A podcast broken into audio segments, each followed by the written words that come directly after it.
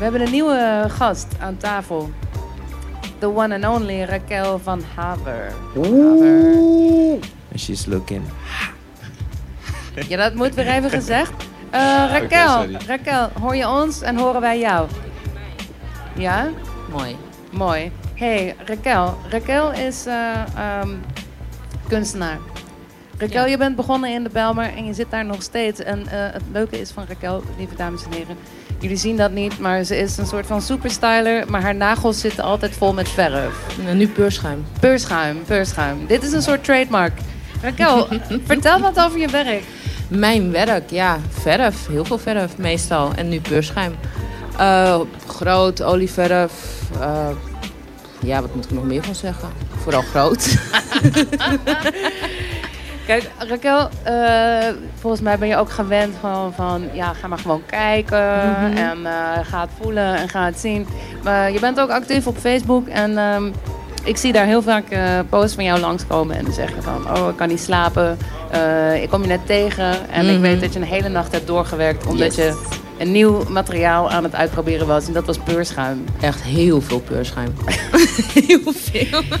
Voor mensen die Raquel's werk niet echt kennen, is het wel interessant om te weten. Jouw doeken, eh, kunstwerk, jouw schilderijen zijn vaak eh, een paar meter bij een paar meter Ja. breed. En eh, jij vindt dat heel normaal, maar dat zijn hele indrukwekkende canvas doeken. En het verf komt er echt helemaal van af. Ja, het is een paar, echt een paar tientallen centimeters dik soms. Ja. Kan wat, wat voor dingen schilder jij? Kun je ons meenemen in het verhaal Ehm, van eh, jouw afbeeldingen? Mijn Wat, eh, afbeeldingen. Eh, nee, ik, meestal schilder ik toch wel dingen die ik toch om me heen zie. Dus zoals we hier zitten, dit, dan, dit kan geschilderd worden. Gewoon gezellig allemaal mensen aan tafel. Het zijn vaak mensen uit de buurt ook, die ik dan een tijd lang volg met een camera en uiteindelijk daar weer werk van maak. Maar ook als ik naar het buitenland ga en daar een tijd verblijf, kan ik ook werk maken en daar weer werk over creëren. Ehm, ik ben nu toevallig bezig, of eigenlijk klaar nu met een solo voorbereiding voor een in Londen. Dus dat zijn drie echt hele grote werken. En die passen nu ook niet meer in mijn studio. dus dat is, dat, dat is leuk. Dus het jij werkt jezelf uit je eigen studio? Ja, eigenlijk wel. Maar dan moet ik wel uiteindelijk weer ergens anders naartoe waar het groot is. Het moet gewoon. Dus En je had het net over, eh, ik, ik, ik schilder wat ik zie. Eh, je was in Cuba, Ja. Ehm, je was in Londen, je bent veel in... eh, ja, vertel even wat meer over je reizen en Ehm, welke rol die spelen in jouw werk. Ik heb, ben nu, of ik heb vorig jaar een project opgezet in Zimbabwe, samen met een vriend van me. En een onderzoek gestart naar de folktales, de folklore van Zimbabwe zelf. Eh, we hebben nu een tien, ja, tien stuks, tien kunstenaars erbij geroepen om te vragen of ze met ons een museumshow willen maken daar. En uiteindelijk komen al die kunstenaars ook weer hier in, naar Nederland, ook naar Zuidoost. Dus het wordt echt super gezellig. En wanneer komen die? Februari volgend jaar. Volgend jaar. Ja, volgend jaar. Dus we zijn nu met even ja, de financiële kant aan het bekijken van hoe krijgen we tien man in één keer uit Sim hier voor een maand. En ehm, daar ben ik totaal niet goed in. Ik weet je, laat mij maar schilderen en tekenen en voor de rest moet het. Maar ehm, ja, het wordt gewoon echt. Het- We gaan gewoon sowieso eind van dit jaar gaan we in ieder geval ga ik en misschien nog een aantal andere mensen gaan naar Zimbabwe terug voor twee, drie maanden verder het onderzoek uitbreiden en dan uiteindelijk met iedereen hier naartoe komen. En dan wordt het gewoon gezellig.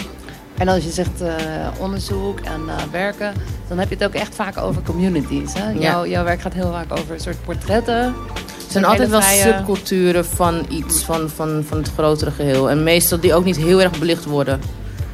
Of onderbelicht zijn. Kun je er een paar noemen? Ehm, het van alles. Ja. Die show die je onlangs had in Amsterdam eh, in het centrum, Ja, die had een hele spannende titel. ja, hookers and toilets. Dan zo version explicit. En dat was het ook, precies wat de tekst zei. Maar, maar dat ging vooral eigenlijk over een dancehall cultuur die ik toen een aantal jaar geleden in Trinidad tegenkwam. En terwijl ik mijn project in Zimbabwe deed, kwam ik erachter dat ze echt bijna alleen maar dancehall aan het draaien waren. En het, het verbaasde me heel erg, want elke avond na het werk gingen we dan naar het bar om een beach te doen. Maar de enige vrouwen die daar vooral rondliepen waren prostituees. Dus er waren de hele tijd, elke avond, zat ik eigenlijk tussen de hoeren. Of we gingen, die jongens wilden altijd naar stripbars. Dus ik, als enige vrouw zat ik altijd heel gezellig naar strippers te kijken. Dus ik had echt iets van, ja, ik moet hier iets mee gaan doen. Dit is zo absurd voor mij in ieder geval. En uh, op het moment dat ik daar kwam ook, die meiden waren heel erg met hun uiterlijk bezig. En heel erg met het performance van, nou weet je, ik sta hier mooi te zijn. En dan ging ik dan naar het ja, damestoilet. En daar waren ze uiteindelijk met z'n allen, waren ze gewoon daar stonden ze te chillen. Want er waren geen mannen bij. Dus ze konden gewoon lekker drinken daar. Ze waren aan het dansen daar. En ze waren een me-time aan het doen in het vrouwentoilet. En dat was eigenlijk zo speciaal dat je gewoon opeens in een stripclub... dus het is echt alleen maar gerelateerd aan seks en hoe je eruit ziet. En dan zie je die vrouwen eigenlijk een soort van toevluchtsoord hebben in de wc. Met z'n allen. Maar geen ze... ik ga even inbreken, want ik, zit, ik val me ineens op dat de hele tijd vrouwen met vrouwen hier... over seks en over allemaal moeilijke Hey, dingen. mag je niet meer- erbij. En dat al die mannen die rennen, die rennen allemaal weg. Zo van, shit, shit, er zit een sterke vrouw aan tafel. Oh, we gaan wel stil zijn. Oké. Eh, eh, Ja, heb- dus- Heb je ze toen nageschilderd of zo? Wat heb je met die me- meisjes toen gedaan dan? Niks. Ja, dat is gewoon Nee. puur invloed. Nee, het, het, het was echt vooral foto's maken, stiekem. Ik, ik ben heel goed in stiekem foto's maken. Dus dat vooral, echt gewoon om, om een hele grote collectie foto's eh, te nemen en dan hier in Nederland eh, in de studio uit te werken. En het was ook vooral op dat moment, ik kon niet vragen aan ze van mag ik foto's van je nemen, want er werd behoorlijk agressief op gereageerd. En ze hebben me uiteindelijk, omdat ik toen daar zat en ik bedacht van oké, ik wil iets met, met dit onderwerp gaan doen, ben ik echt naar de meest ghetto, ghetto, underground stripclubs gegaan die je maar kan bedenken. In Trinidad. Nee, dit was in Zimbabwe. Dit was in Zimbabwe. En, en eh, het was gewoon ergens in een, een soort van ja, kelder, ergens onder een bar. En er, er waren iets van 300 man en er stond één naakte chick op het podium te springen. En ik viel als enigste, en ook blanke vrouw daar, viel ik heel erg op. Kon je Dus- er wel lopen dan? Nou, ik, het, ik viel zo erg op dat mensen er eigenlijk van schrokken. Dus ik kon me op zich wel vrij bewegen, maar ik moest wel zo normaal mogelijk doen. Dus met een camera, dat, dat werkte gewoon niet. Maar had je niet dat je dat zag, dat je... Dan heb je die werk, heb je dan... Daar heb je foto's van gemaakt, maar die waren Ja. ook te zien in die show. Nee, de foto's niet. Het is echt heb je- meestal gewoon echt het schilderij of schetsen ja. zelf. En de foto's hou ik toch echt altijd voor. Maar je, wilde je ook iets veranderen dan aan die situatie van die meisjes? Dat je dat zag, dat je dacht van shit. Nee, ik, ik, ik, ik heb dan vooral als ik zoiets heb, ik echt zo, ja, hun hebben ook een stem, hun moeten ook gehoord worden. En ik vond het juist zo krachtig, omdat Zimbabwe is gewoon een land dat op dit moment door Mugabe gewoon echt totaal een puin is. Er is geen...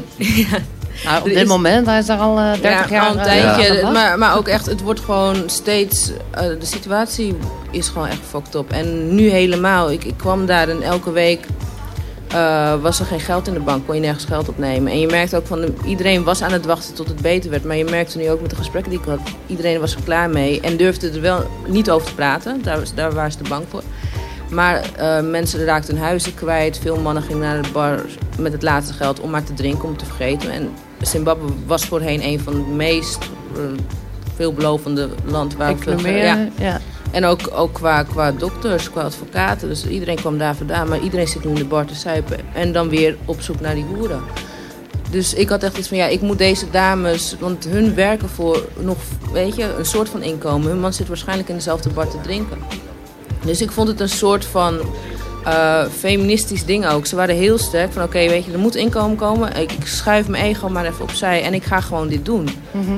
Dus aan de andere kant, het was niet alleen van de hoeren en kijk, het gaat over seks, maar het was meer de vrouwelijkheid en de, de kracht die deze dames hadden om dat toch maar te gaan doen even. En hij- zag, Is dat, dat- ja? dat zag je ook in Trinidad weer of zo? Dat, nee, dit, dit is diezelfde Sim. Ja, nou, in Trinidad was het, toen ik er net binnenstapte, was het echt de dancehall en het dansen naar, eh, ook al kwam je uit een lagere klasse, dat je iets was. En dat vond ik op een andere soort manier ook weer terug, dus in Zimbabwe, dat ze ehm, door middel van dit te doen, eh, eigenlijk hun helemaal bloot te geven. Dat ze zichzelf dan wel weer een status aan konden ja, maken. of Hoe je Maar, Is het, eh, ja. ja. sorry, nee. Ik, vind het een heel interessant gegeven. Want je zei net ook al, eh, Raquel, eh, er is een soort eh, beeld wat wij hebben van eh, sekswerkers of prostituees.